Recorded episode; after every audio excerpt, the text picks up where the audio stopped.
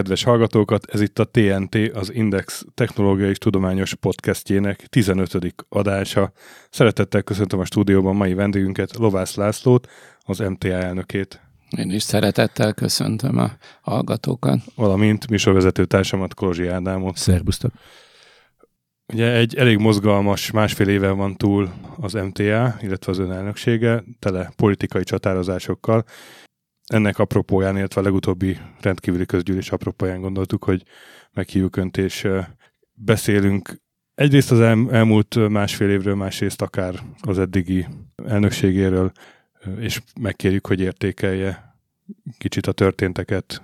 A legutóbb a friss kinevezések után azt mondta, hogy az MTA tovább erősödött az, az új doktori címek után, miközben éppen a, a egyik legsúlyosabb válságát éli.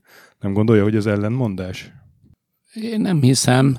Tudnélik, az MTA álláspontját, vagy, vagy az MTA érdekeit, vagy szempontjait az utóbbi másfél évben nagyon erősen megtámogatta a közösség, a, tudom, tudós közösség. Csak egy példát mondjak, a lendület pályázatosok, akik ugye a pályázat nyertesek, akik tényleg a, a korosztályuknak, a mondjuk nagyjából 40 körüli korosztálynak a, a legjobbjai, azok összeálltak, és nem csak, hogy közös leveleket írtak, hanem, hanem kidolgoztak mindenféle terveket, elképzeléseket komoly munkával, tehát ez a támogatás, ez nagyon fontos volt, és ezért merem azt mondani, hogy minél többen kerülnek be, mint tudományok, mint az MTA doktorai a, a tudományok körébe, a, a tudósok mondjuk nagyobb befolyással bíró rétegébe, annál jobb, annál, annál erősebb a magyar tudomány. Tavaly júniusban kezdődött ez az egész folyamat, ami ugye azzal végződött, hogy idén augusztus 1-től elvették az MTA kutatóhálózatát. Kiderült már, hogy mik voltak a valós indokok? Én nem tudom továbbra se egyértelműen megfogalmazni, hogy, hogy milyen célt szolgált ez a folyamat. Nyilván nagyon sok kárt okozott, már csak azért is, mert az egész közösség feszült, ideges állapotban volt ez alatt az idő alatt, hát van még ma is természetesen, és, és azért tudományos kutatást az csak, az csak megfelelő lelki állapotban lehet jól csinálni. Tehát sajnos azt gondolom, hogy, hogy a tudományos kutatást is visszavetette, nagyon sok energia elment rá, és azt hiszem, hogy egy rosszabb, kevésbé hatékony felálláshoz vezetett. 2014-ben, amikor megválasztották a Magyar Tudományos Akadémia elnökének, akkor a programadó beszédében is említette, hogy az MTA azért lehet annyira nagy megbecsültségű intézmény Magyarországon, mert mindig sikerült távol tartani a, a napi politikát és a pártpolitikát. Most úgy tűnik, hogy a második ciklus végére ez már nem áll fenn. Igen, ez, ez ez sajnos igaz. Én azt remélem, hogy a, az akadémia tagságának és a köztestület tagságának nagy része továbbra is a, a tudomány tekinti elsődleges szempontnak.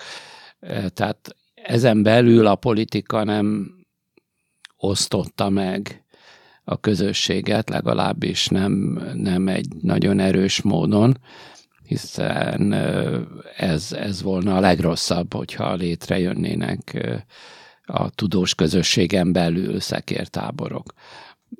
Az, hogy a politika mégiscsak belelépett a mi életünkbe, ezt én sajnálatosnak tartom, de ezt nem lehetett elkerülni esetleg 2014-ben már azért fogalmazott, így azért emelte ki ennyire, mert sejtette, hogy valami ilyesmi következik?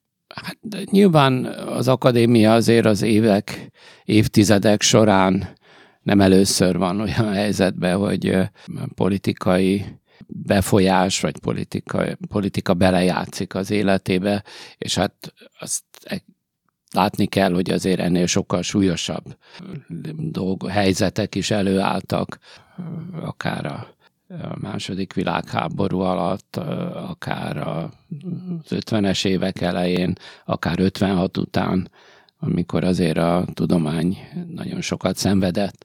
De azért nem volna szerencsés, hogyha ebbe az irányba haladnánk tovább. Most akkor a kutató hálózat megtartását tartotta a legfontosabb feladatának.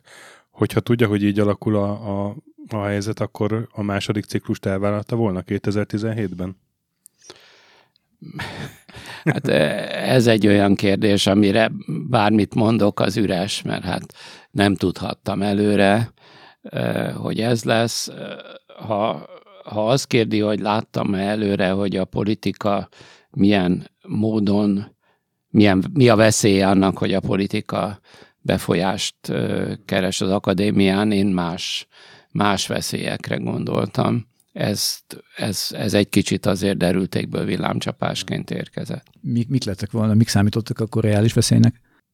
Mondjuk, mondjuk fölkészültem arra, hogyha olyan igény jön a politikától, politikai szférából, hogy ezt vagy azt vagy amazt a kutatást, tudós, tudós közösséget érdemén felül támogassuk, vagy érdemén felüljuttassuk anyagi lehetőségekhez, akkor ezt ennek ellen kellett volna állni, de itt nem ez történt. Nem, e, nem ez volt, végül nem ez lett a nehézség.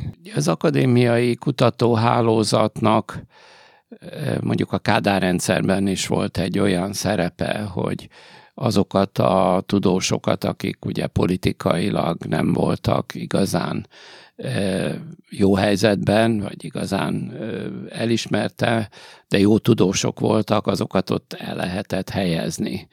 Tehát az akadémiai kutatóhálózat ebben az értelemben nem volt a rendszernek támogatója vagy híve, hanem nagyon sok. Tehát nem kellett attól tartani, hogy megmételjezik az ifjúságot? Hát pontosan arról volt szó, hogy egyetemen nem taníthattak egyetemi állást. Voltak sokan, akik egyetemi állást nem kaptak, vagy egyetemi állásukat elvesztették valamiféle politikai okból, de elhelyezkedhettek az akadémiai kutatóhálózatban. Remélem, hogy most azért nem jut egy ilyen, nem kerülünk ilyen helyzetbe, de gondoltam, megemlítem, hogy, hogy azért volt egy ilyen szerepe a kutatóhálózatnak akkoriban. Minden egyes interjúban, amit az elmúlt másfél évben ezt az egész problémagócot járta körül, mindig fölteszik önnek a kérdést, hogy nem gondol-e, nem gondolt-e korábban arra, hogy lemondjon valamikor ebben az egész folyamatban?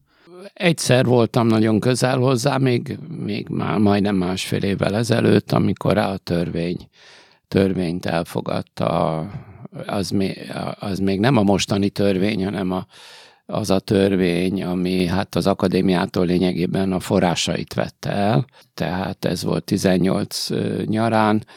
Aztán akkor ott meggyőztek a kollégáim, barátaim, hogy, hogy tulajdonképpen az akadémia most még egy elnök nélkül maradva, és esetleg egy elnökválasztási hercehurca is előáll, akkor, akkor még sokkal rosszabbul járhat. Nem érzi úgy utólag, hogy lehet, hogy minden egyes időpontban, minden egyes konkrét kérdésnél ez egy jól megfontolt álláspont volt, de összességében a végén a nevét és az arcát adta egy folyamathoz, aminek a végén elvesztette az akadémia a legfontosabb intézmény hálózatát?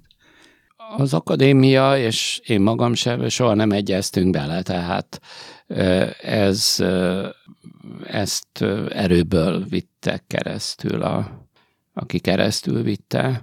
Nagyon sok minden van. Én végül is azt fogalmaztam meg magamnak, hogy, hogy az elsődleges dolog az, hogy a magyar tudomány ne menjen tönkre, a tudományos kutatás ne sérüljön, vagy minél kevésbé sérüljön. Az, hogy én nekem a tehát az akadémiának a nimbusza, vagy az én saját nimbuszom, azok másodlagosak. Igen, ezt kihangsúlyozta a december elejé rendkívüli közgyűlésen is. Ezt lehet úgy érteni, hogy, hogy még így is jobb maradni, még akkor is, hogyha esetleg az akadémia renoméja vagy az öné sérül? Én remélem, hogy az akadémia renoméja nem sérült. Na most hát persze az ellen nem tehetünk semmit, hogyha sajtó egy része mondjuk valótlan állításokat, meg teljesen hamis statisztikákat közöl, de azzal azt az akadémia mindig is kitartotta mellett, hogy az intézet hálózat az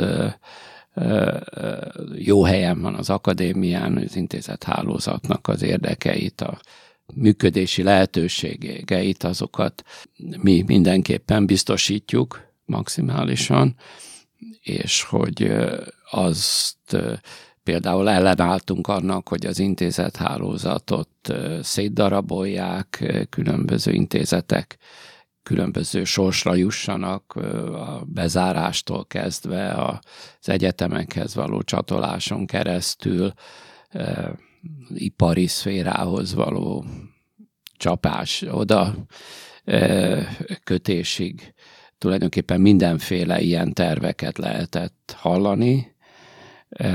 Végül egyelőre együtt maradt az intézet hálózat, és dolgozik tovább hogy látja, hogy ezek mennyire voltak valós politikai szándékok, tehát az egyes intézmények elvétele, beszántása, bezárása, másnak adása. Ez volt az eredeti terv, és valóban az MTA-nak sikerült ezt megakadályoznia. Volt -e egyáltalán valamilyen eredeti koncepció, egy mesterterv? Én nehezen tudok erre válaszolni. Tehát eleinte, amikor a tárgyaltunk a Palkovics miniszter úrral, ő csak a finanszírozást megváltozásáról beszél, tehát hogy, hogy az Akadémia Intézet hálózatnak célzott, gyakorlatilag hasznosítható kutatásokat kellene folytatni, és hogy ő azokat fogja finanszírozni. Tehát egy, a vita valahol ott az alapkutatásoknak a jogosultsága és a, az alapkutatások finanszírozásának a mikéntje fölött folyt. Aztán hirtelen jöttek ilyen tervek elő, hogy, hogy na de ezt az intézetet meg azt be kéne zárni, meg, meg e, nyilvánosság előtt is elhangzott olyan, hogy valamelyik kutatóintézet valamelyik egyetemhez fog kerülni, e, tehát e, nehezen tudom, tudok e, így utólag rekonstruálni valamiféle mestertervet és úgy tűnt, hogy sikerül egy kompromisszumot találni a minisztériummal, ugye az MTA és az ITM tárgyaló delegációi, azok hosszan próbáltak megegyezni, és volt egy olyan pont, amikor az látszott, hogy ez sikerül, de az utolsó utáni pillanatban az ITM, illetve a kormány visszakozott. Ezt minek tudta be? Tehát azért a leglényegesebb pontban nem sikerült megegyezni. Tehát az, hogy az intézethálózat független legyen, vagy az akadémia égisze alatt legyen, ebben nem sikerült megegyezni. Az intézethálózatnak a, egy új irányítási struktúrájában sikerült megegyezni, ennek nagyon sok részletében, összetételében is, működési szabályaiban is. A végül is a természetesen a a kormány elé a miniszter álláspontja került, hogy el kell választani az akadémiai kutatóhálózatot, és a megegyezésnek több pontja, több fontos pontja kimaradt. Ezek még nem teljesen lettek félredobva, tehát azért a alacsonyabb szintű szervezeti szabályzatokban ezeknek egy jelentős részét talán sikerül érvényesíteni, amíg még a jelenlegi vezetési struktúra működik az intézet hálózatban. Most ugye a kutatóintézeteket kiszervezték egy új képződménybe, ez a Ötvös Lóránt Kutatási Hálózat, aminek az elnöke Marót Miklós lett, a miniszterelnök fő tanácsadója. Miért ment bele abba, hogy ő legyen? Ezt sokan a kapitulációnak értelmezték. Az egyik természetesen lehetett volna azt mondani, hogy nem megyünk bele, mert hogy én leültem a Marót elnök úrral, hosszan beszélgettem, és tulajdonképpen úgy láttam, hogy ő azért a tudomány érdekeit képviseli. Most lehetséges, hogy neki kicsit mások a szempontjai, de nem derült ki semmi olyan, hogy ő a, a tudományos kutatásokat, alapkutatásokat főleg meg akarná szüntetni, vagy korlátozni akarná. Tehát én úgy láttam, hogy ő, mint egyébként kiváló tudós, az akadémiának egy volt alelnöke, tehát nem nem volt semmi okom, hogy igazán a beszélgetés után úgy láttam, hogy ebbe bele ezt el lehet fogadni. Ha nem fogadtam volna el, akkor valószínű, hogy hogy is mondjam, erőből lett, vala, lett volna valaki kinevezve. De tör, hiszen ezt a törvény, a törvény lehetővé tette, hogy ha nincs megegyezés, akkor a, akkor a miniszterelnök nevez ki valakit. Mi történik most az ELKH-ban? Mi történik az MTA-tól elvett kutatóintézetekben azóta? Hát én mindegyik intézetet nem tudom külön-külön figyelemmel kísérni. Amennyire én látom, az ELKH-ban az intézetek működnek a régi, régi rendszerben. Az ELKH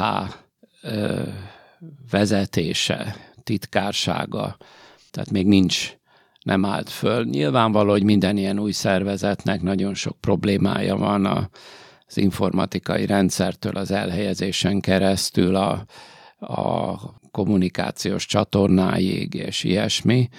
E, tehát mindezek még nem működnek talán úgy, ahogy majd kellene.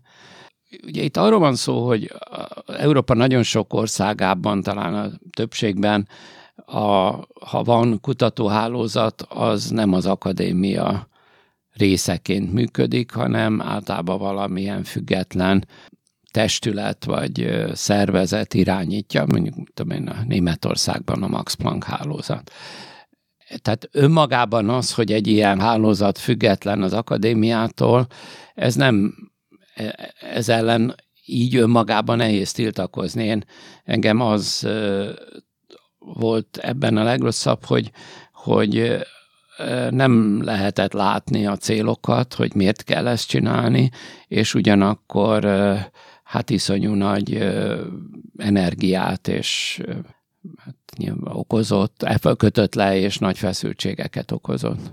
A kutatók érzik a változásokat? Beindulnak új kutatási projektek, vagy az ő szintjükön nincs nagy jelentőség, hogy ki a fenntartó? Én egyelőre azt hiszem, hogy nincsen, hát ugye ez most három hónapja van így, az idei költségvetésüket azt még az akadémia határozta meg, tehát azt hiszem, hogy, hogy ezt még korai megítélni, hogy hogy lesznek-e gyökeres változások, vagy se. Lesz több pénz? Ez volt az egyik ígéret, vagy legalábbis lebegtetés a minisztérium részéről? Ezt még egyelőre nem lehet látni, tehát a, az adatok, amik nyilvánosságra kerültek jövő évi költségvetéssel kapcsolatban nem mutatják, hogy több pénz lenne erre a minisztériumnak valóban van egy megnövekedett kerete kutatási célokra, de ugyanakkor van egy olyan feladata is, hogy januártól felállítsa a Bajzoltán intézet hálózatot, ami a alkalmazott kutatásokkal akar foglalkozni. Tehát az az érzésem, hogy a, plusz források nagy része erre fog elmenni korábban az alkotmánybírósághoz fordult, mert úgy gondolta, hogy az új törvény az ellentétben áll a alaptörvénynek a tudományos kutatás szabadságáról szóló cikkeivel. Van fejlemény ebben az ügyben? Nincs, nem tudok semmi. A, az MTA vagyonával kapcsolatban vannak még vitás kérdések? Vannak ö, vitás kérdések, amik egy tulajdonképpen egy, egy jogi vita körül folyik. Tehát az akadémia a törvény által előírt módon minden olyan vagyonát, ami a kutatást szolgálta az egyes intézetekben, azt ingyenes módon kötelezően használ, az intézetek használatába adta. Ez az ingatlanokra is vonatkozik, de az ingóságokra is, ahol az ingóságon olyasmit kell gondolni, hogy atomreaktor vagy gyorsító. Tehát tehát már atomreaktornak a, a mozgatható részei, meg egy, egy gyorsító vagy egy elektromikroszkóp, tehát nem, nem, nem a székeken és ilyesmiken folyik vita. Itt az a kérdés, hogy ezek közül melyek azok, amik eleve az intézet tulajdonába voltak, akkor ott is maradnak, mik azok, amik az akadémia tulajdonába voltak, és hát mivel eddig az intézet az akadémiának része volt, ezért ezt nagyon nehéz szétszálazni, hogy most tulajdonképpen kinek a tulajdonába kerüljenek, de az akadémia nem akar ebből, mi egy filét hasznos se látunk ebből, csak a helyzet az, hogy, hogy az intézet főigazgatókat is, meg engem is figyelmeztettek jogászok, hogyha a vagyonunkról lemondunk, és hát mondom, itt nem, nem arról van szó, hogy egy, egy székről mondunk le, hanem jelentős, sok milliárdos vagyonról, akkor hűtlen kezelést követünk el. Tehát ezért kell ezt a dolgot valahogy jogilag nagyon pontosan meghatározni, tehát ezek a jogi viták még folynak. Ez gyakorlatban az intézetek működését nem befolyásolja. Most az MTA elmúlt éveinek az egyik büszkesége vagy sikertörténete volt a Lendület program, fiatal kutatók hazacsábítása, megtartása. Most a, az intézetekkel együtt ugye a Lendület programot is félig elvették az akadémiától. Ez most hogy áll? A Lendület programot annak a forrását elvették az akadémiától, és az új intézet hálózathoz helyezték. Ebben az ügyben eleve elejétől fogva megegyeztünk a Marót elnök úrral, hogy a, a lendület programnak a szakmai kezelése, tehát a pályázat kiírása, a pályázatok elbírálása, a pályázat odaítélése, ez az akadémia dolga, és az is marad. Azt remélem, hogy abban is sikerül megállapodni, hogy, hogy ennek a forrása is visszakerül az akadémiához. Ez semmi nem indokolja, tehát az intézet hálózattól ez egy független dolog, ennek az elvétele az szerintem teljesen indokolatlanul történt. Nem tartottól, hogy ehelyett az fog történni, hogy teljesen elveszik a szakmai irányítást is, és azt is átadják máshová? Hát én azt gondolom, tehát ezen a néven nem vehetik el, mert az akadémiának regisztrált ö, ö, nem tudom, trademarkra, vagy nem tudom pontosan, hogy jog, melyik jogi kategóriába tartozik, de minden esetre ez a, a név, ez be van jegyezve, mint az akadémia tulajdona. Én nem hiszem ez aztán végképp visszafelé, tehát ez negatív hatása lenne. Hát más dolog az, hogy egy fiatal mondjuk hazajön az, azért, mert az akadémia hívja, vagy mert az akadémia ad neki valami lehetőséget, mint hogyha valami hivatal hívja. Tehát egyszerűen nemzetközi megítélés szempontjából más. Igen, mert ugye a lendület programnak az volt a legfontosabb cél, hogy fiatal kutatókat hazacsábítson és, és megtartson. Mit mondana ilyen fiatal kutatóknak most van, most is értelme hazajönni? Egy olyan kutatónak, aki mondjuk külföldön jól tud érvényesülni.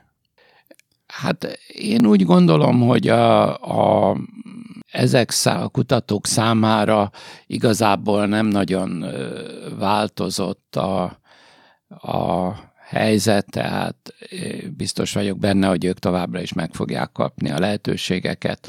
Talán még növekednek is a lehetőségek, ha remélem, hogy nem, ezt nem fogja befolyásolni az a válság, amit annyian jósolnak, hogy itt van a nyakunkon.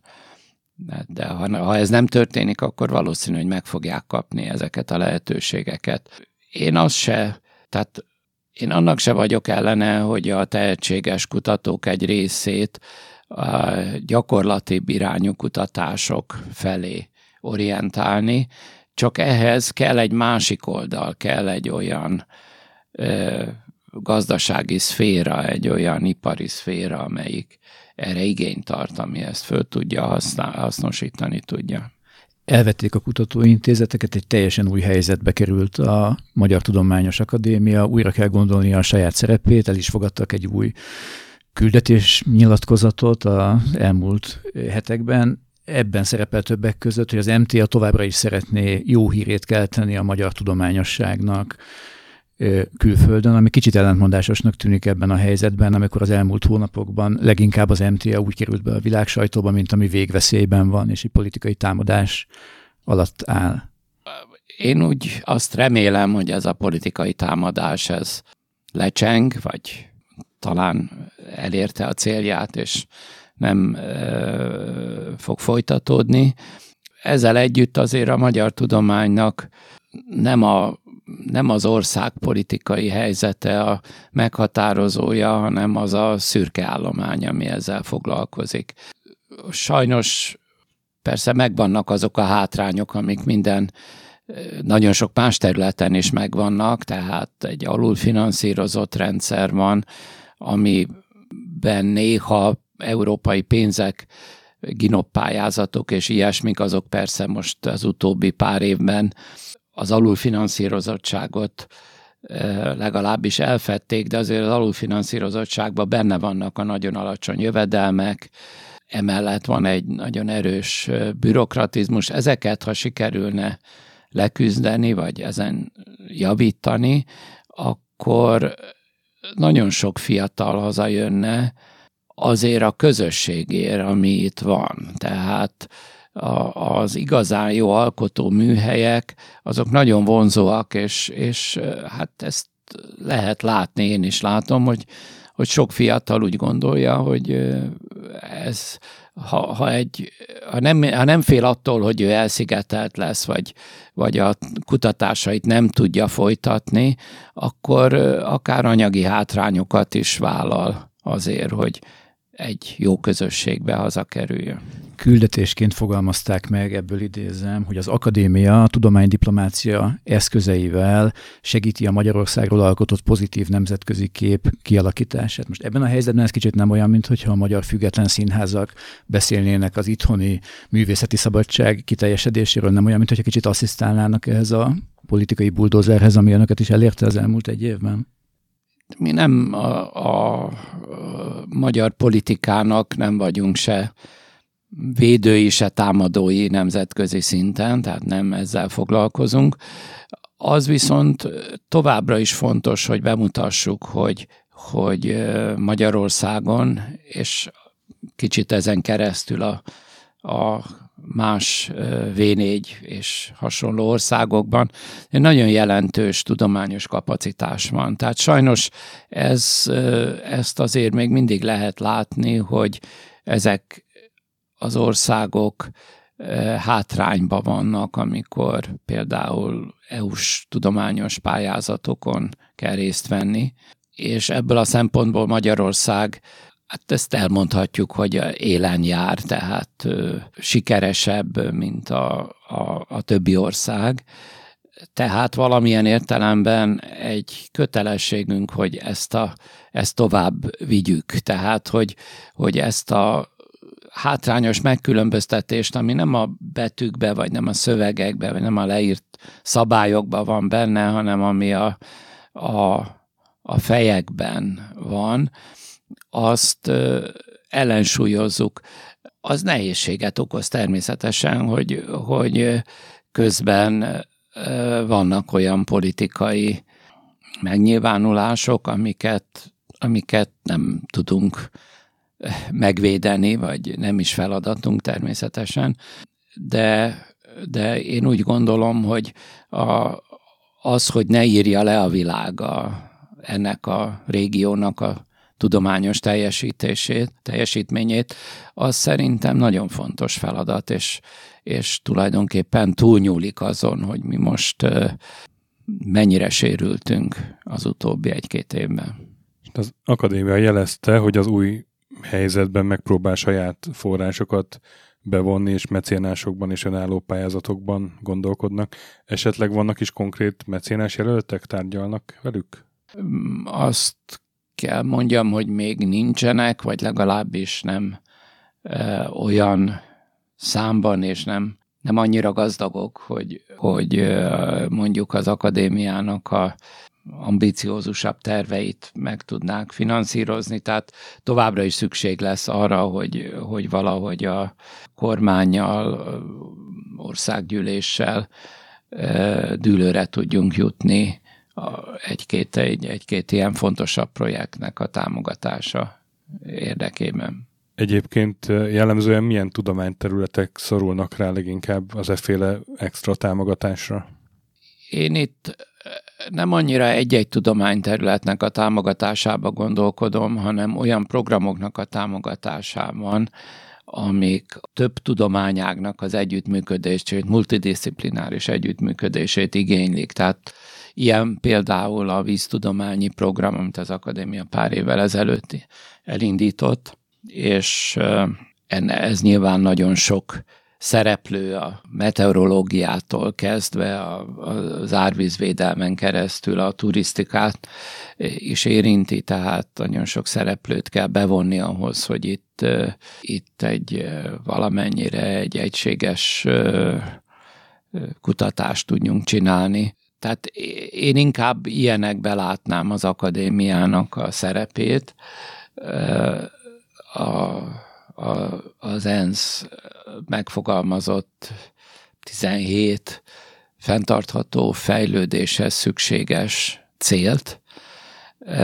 Ezeknek egy nagyobb része erős tudományos támogatással valósítható csak meg, tehát meg akadémiának egyik szerepe az is lehet, és kell is, hogy legyen, hogy ezeket a célokat valami módon a magyar tudomány számára közvetítse magyar tudomány területéről, és akkor nem csak a kutatóintézetekből, hanem a, a, az egyetemekről, a ipari szférából kutatókat összehozza ilyen célokra.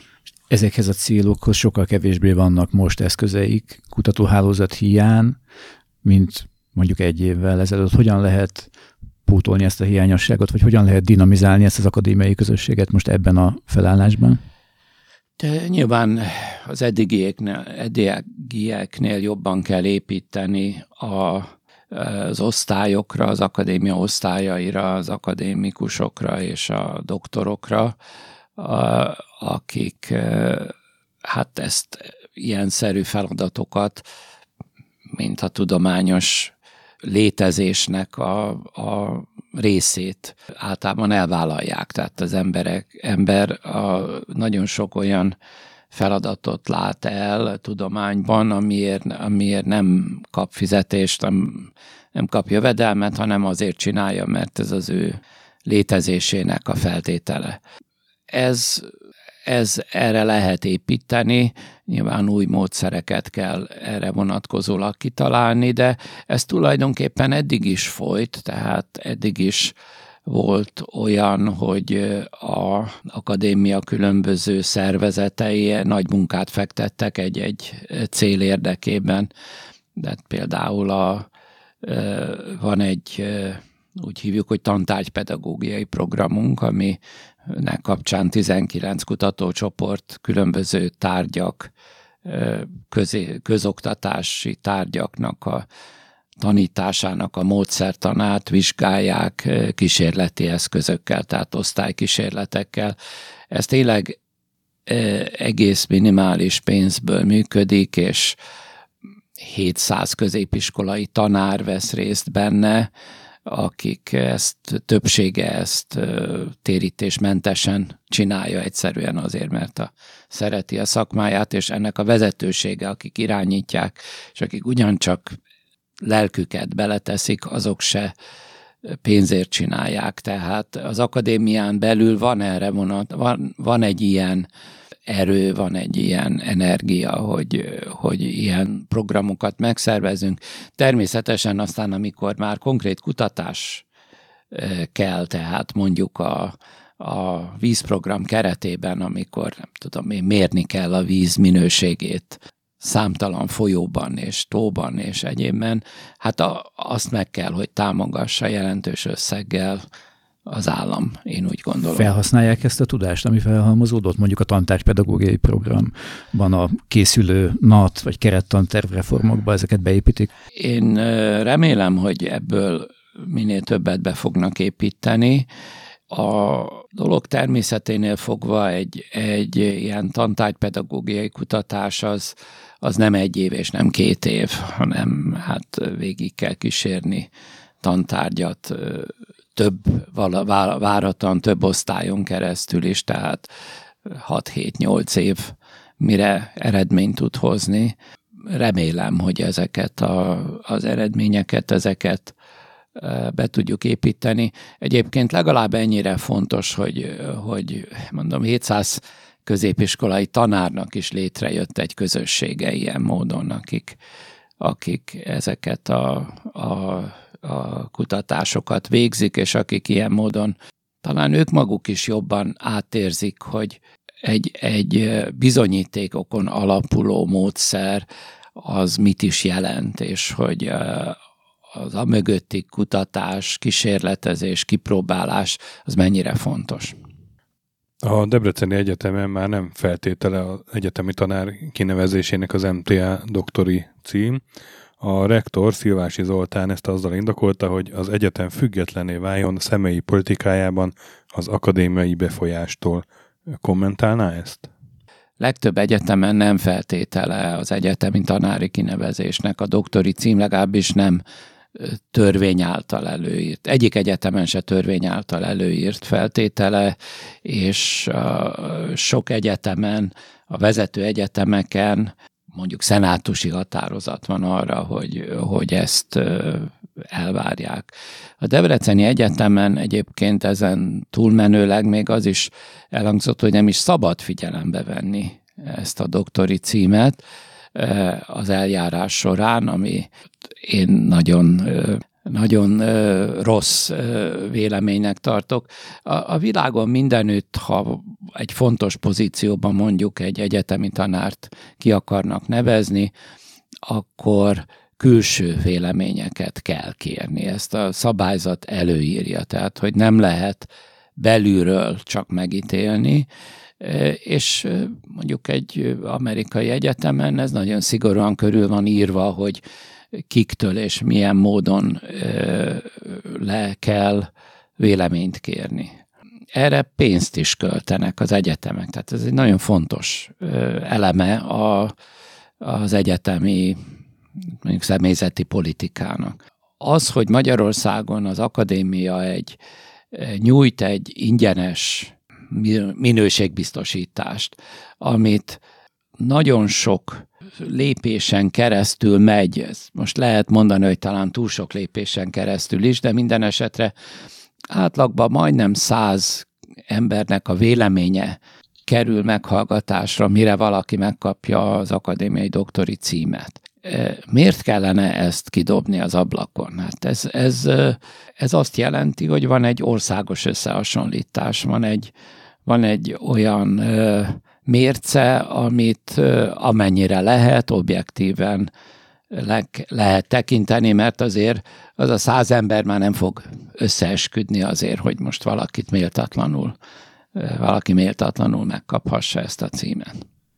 Ez a, a, a szakmai minőség biztosítás kérdése egy kicsit megkérdőjeleződött mostanában a doktori iskolákkal kapcsolatban is, mint hogy a, a, a doktori iskoláknak az akkreditációját azt próbálják lazítani, és van egy ilyen félelem, hogy akkor ez nem csak tudományos kritériumok dönthetnek, hanem közvetve mondjuk politikai szempontok is. Jogos ez a félelem ön szerint, vagy túlzás? Sajnos sok felé látni a világban, hogy, hogy a tudományos kiválóságnak a jelentőségét megkérdőjelezik, és más szempontokat is elé tesznek. Tehát igen, van egy ilyen veszély. Ez lehet politikai szempont is, de legalább akkor a veszély egyszerűen a középszerűségnek a, az előretörése, a helyi kapcsolatoknak a, a fontossága, ami, ami biztos, hogy, hogy hát hosszú távon nagyon káros. Az MTA-t érő kritikák között többször visszatérnek azok a kifogások, amik feudális viszonyokról beszélnek, gerontokráciáról, illetve arról, hogy, hogy aki beír az MTA-ba, az tulajdonképpen beírta tutiba, úgymond, mert felveheti már a tiszteldíjat, és semmilyen teljesítmény vagy versenykényszer nem kötődik a tagsághoz. Ön szerint joggal kritizálható az MTA ezekben a kérdésekben? Itt két dolgot mondanék különböző oldalról. Az egyik az, hogy igen, nagyon fontos, hogy a tudomány irányításába, a tudományos döntéshozásba minél jobban bevonjuk a fiatalabb korosztályokat. Hát az, az ember életkor növekszik, ennek megfelelően az akadémikusok is egyre idősebbek átlagban, és a fiatalok pedig ennek megfelelően meg kell találni azokat a formákat, amivel be lehet vonni. Például a legutóbbi közgy, nem a legutóbbi, a, a tavaszi közgyűlésünk hozta létre a Fiatalok Akadémiáját, amiben jól emlékszem, 45 év alatti, de hát már befutott híres, neves fiatal kutatók vannak jelen, ami hát remélem, hogy megtalálja azokat a kérdéseket, amikkel ő foglalkozni akar, és amiben, amiben a magyar tudománynak az ügyét előre tudja vinni. Az akadémiának egyébként 17 ezer köztestületi tagja van. Mindenki, akinek a PHD fokozata megvan, és tudományos kutatást folytat, az beléphet. És ez nem egy formális dolog, nem teljesen formális dolog, mert ez a 17 ezer ember 200 küldöttet választ az akadémia közgyűlésébe, tehát ott van a képviselőjük a az akadémikusok között. Tehát ez az egyik dolog, hogy tényleg fiatalok, és hát lehetne itt a nőket is említeni, ahol ugyancsak tehát az a nők alul vannak reprezentálva az akadémia akadémikusok között. Ez egy lassabb folyamat, de szerintem ezen is elindultunk a jó irányba.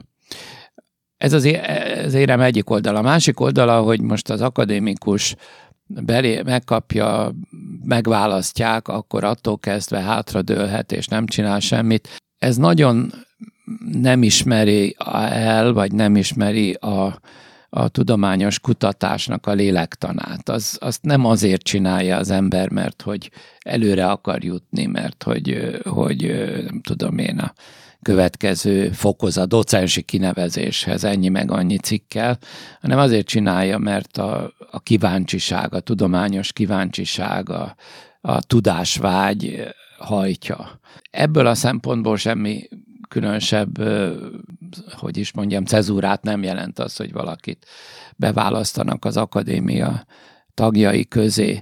Egyébként például egy amerikai egyetemen, ha valaki egy úgynevezett tenured professzor lesz, tehát határozatlan idejű professzor, akkor ugyanebben a helyzetbe kerül, senki nem, tehát ezt nem veszti el, akár dolgozik, akár se. Mégis azért a, a vezető egyetemeken általában 70-80 éves korukig keményen dolgoznak az emberek, mert, a, mert ez, ez, a, ez az életelemük, nem, elmennének nyugdíjba, nem tudnának mit csinálni jónak tartja a mostani tiszteletdíjas rendszer? Tehát, hogy az MTA a levelező és rendes tagja, illetve kisebb összeggel a, az MTA doktorai is, hogyha jól tudom, életük végéig kapnak tiszteletdíjat? Azt hiszem az életük végéig erre, erre válaszoltam. Tehát ez, ez a, az, hogy valaki attól rettegjen, hogy, hogy ha elmegy nyugdíjba, akkor, akkor mondjuk a megélhetése megkérdőjeleződik mert azért nem olyan magasak az egyetemi fizetések, hogy az azután kapott nyugdíj az most az, az biztosítana egy, egy megfelelő megélhetést. Szóval tehát az, hogy életük végéig kapják, ez, ezt én nem, ezt én rendjélevőnek tartom, hogy egyáltalán kell -e ez a rendszer, vagy pedig az jobb volna, hogyha azok, akik ezen a szinten vannak, azok eleve olyan fizetést kapnának az egyetemeken. Ez még nem érné el a nyugati fizetés, de hát egy, egy, egy jelenleginél lényegesen magasabbat. Az egy más rendszer volna, én úgy gondolom, hogy ami lényeges, hogy, hogy ne kerüljön senki olyan méltatlan helyzetbe, hogy egész életében mondjuk egy egyetemen dolgozott, nem tudom én, a sok tucatnyi kiváló diákot, kutatót, PHD-t kutatót nevelt ki, és akkor hirtelen olyan helyzetben van, hogy megélhetési nehézségei legyenek. Sokféle kritika elhangzott, hogy itt az elmúlt másfél évben légből kapottnak hangzók, más olyan típusúak, amelyekkel többen egyetértettek. Ön mit tart ezek közül megfontolásra érdemesnek? Mi az, amit jelenleg még az MTA működésével, irányításával kapcsolatban valóban érdemes lenne mélyebben átalakítani és hozzányúlni? Én az egyik az, hogy a mondjuk az akadémiai doktorok és a még fiatalabb, de kiváló kutatók, lendületpályázatosok, stb. Nek a, őket kell, jobban be kellene vonni az akadémiának a munkájába. Tehát az akadémiának jelenleg is működik nagyon sok bizottsága. Ugye van 11 osztály, aminek a neve, ha úgy mond veszem, nem fedi le az összes tudományterületet, de mindegyik ilyen osztályon belül vannak ö, szűkebb ö, tudományágakat képviselő bizottságok. Ezeknek a bizottságoknak a tagsága már nem csak az akadémia tagjaiból kerül ki, tehát itt, itt okvetlenül érdemes ezeknek a munkájára jelenleginél jobban támaszkodni. Sokszor elhangzott, hogy meg kell akadályozni, hogy a Magyar Tudományos Akadémia egyfajta tudós klubbá váljon, illetve hogy csak tudós klubként létezzen, hogy ennél valamilyen fontosabb feladatot kellene betölteni. Mi lehet még a jelenlegi körülmények között ez a fontosabb feladat?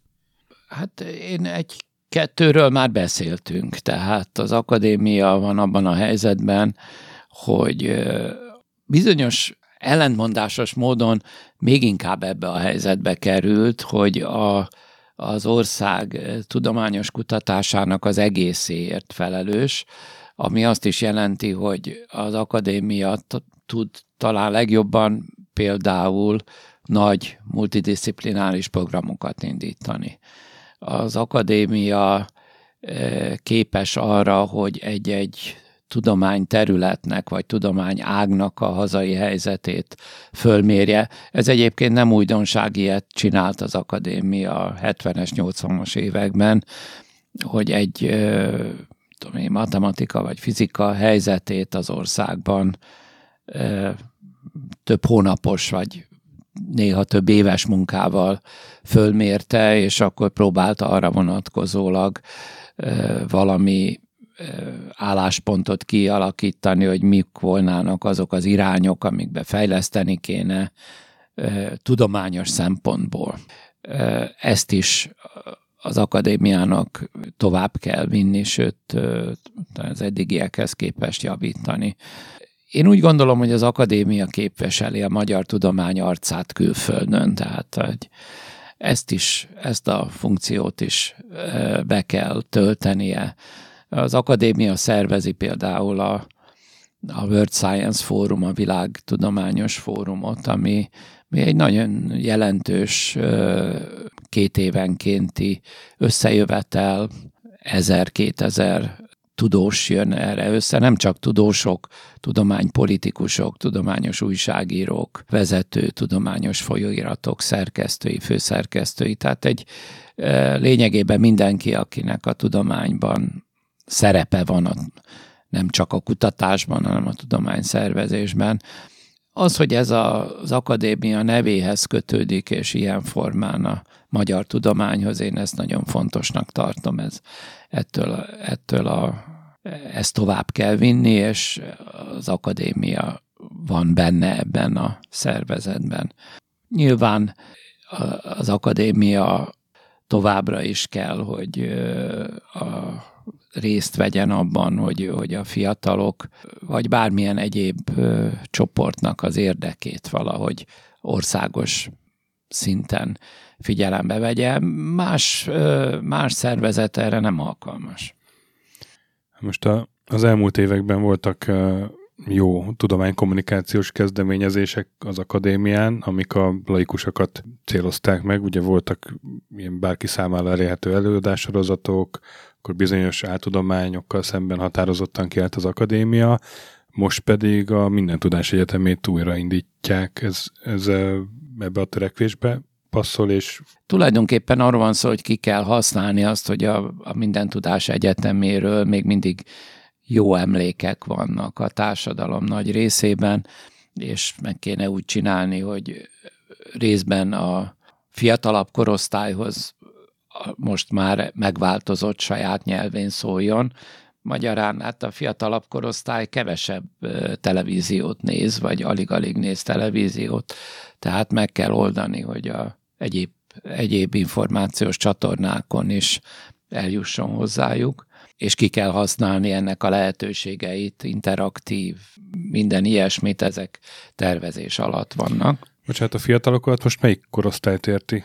Mondjuk középiskolásokat. Tehát az egy, az egy elég nagy probléma, hogy a tudományos szakok, egyetemi szakok iránt az érdeklődés az kicsi, nem elég nagy. És mit tud kezdeni azzal a tudománykommunikáció, hogy pont ez a korosztály az már ilyen néhány másodperces műfajokban fogyaszt médiumokat? Nyilván ezzel is számolni kell, tehát lehetséges, hogy egy ilyen néhány másodperces, hát talán nem néhány, néhány perces valami, valamiféle műsor vagy üzenetet ezzel lehetne bevezetni, vagy fölkelteni az érdeklődést, és akkor itt jöhetne be egy interaktivitás, tehát ezt ki kell dolgozni, itt nagyon sok új lehetőség van, amit, amivel szeretnénk élni, tehát jól, jól kell ezt megcsinálni, de mindenképpen meg, érdemes megcsinálni, hogy újraindítsuk ezt a sikeres sorozatot.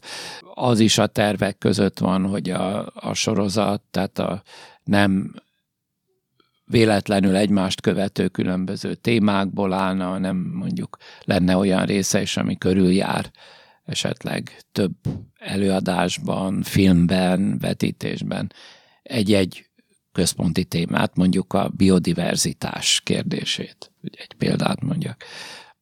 Tehát megértetni, hogy itt tulajdonképpen mik is a problémák, és mik is a, a egyáltalán mit, mit tudunk tenni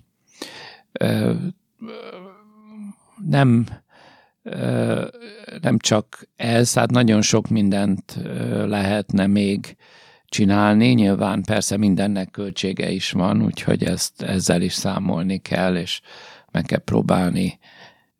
Talán ez még egy olyan terület, amire talán tudunk szponzorokat is találni ebben a kormányzati ciklusban, tehát 2022-ig ön szerint még lesznek kutatóhálózatot érő változások? Tehát akár újabb átszervezések, vagy akár csatlakozások? Én azt gondolom, hogy, hogy lesznek. Én azt remélem, hogy ezek átgondoltabbak lesznek, mint a mostani, és tényleg csak akkor fognak történni, hogyha az valami jó célral történik. Nyilván lehetnek olyan kutatóintézetek, amik természetes módon csatlakozhatnak ehhez a kutatóhálózathoz. Az, hogy a kutatóhálózat közelebb kerüljön az innovációhoz, az alkalmazásokhoz, arra megvannak a stratégiák, mi magunk is kidolgoztunk ilyeneket. Én a legfontosabbnak azt tartom, hogy azok a a szellemi műhelyek, amiket egy-egy ilyen kutatóintézet jelent, azok ne szűnjenek meg, ne menjenek el külföldre, azok maradjanak itt. Eddig is volt, hogy a kutató, egy-egy kutatóintézet nyilván az adott körülmények, személyek, tudományos kutatás irányainak a függvényében jelentős szerepet vállalt a alkalmazott kutatások területén.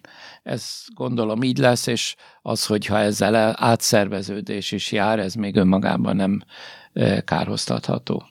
Ön, ön egyébként örülne annak, ha bejönnének a ötvös Lorent hálózatba, például a Veritas, a Magyarságkutató, vagy más kormányzati kutatóintézetek? Most én nem akarom ezeknek az intézeteknek, ha egyébként nem, egyfor, nem egyforma a tudományos színvonalát, nem is az én feladatom, és nem is az én tudásomnak felelez meg, én nem, nem tudom én, hogy a, egy-egy ilyen intézetnek a tudományos színvonala milyen, ha tudományos színvonala olyan, hogy összemérhető az akadémiai kutatóintézetekével, akkor semmi bajt nem látok, sőt azt lehet mondani, hogy, hogy jó, hogyha ezzel is mondjuk egy, egy párbeszéd lehetősége az, az, az kinyílik. A, ha egy ilyen intézet az teljesen tudománytalan, akkor, te, akkor, akkor persze, hogy nem örülnék. Ami, ami itt egy fontos dolog, hogy a tudományos kutatásban nagyon rosszra vezet, hogyha a tudományos kutatás célja bizonyos előre megfogalmazott eredményeknek az alátámasztása vagy a bizonyítása.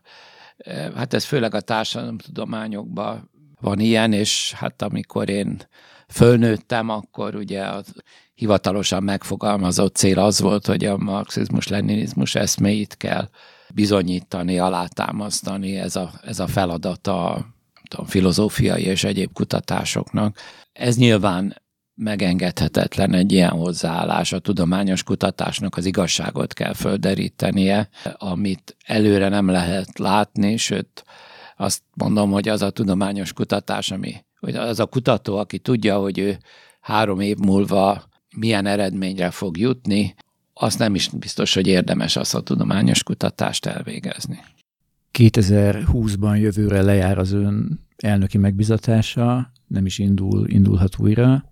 Főesélyesként Frany Tamást, egy másik világhírű magyar kutatót emlegettek, egészen addig, amíg napvilágra nem került az Orbán Viktornak írt levele, amiben ö, a közvéleményt mételjező társadalomtudósokról írt.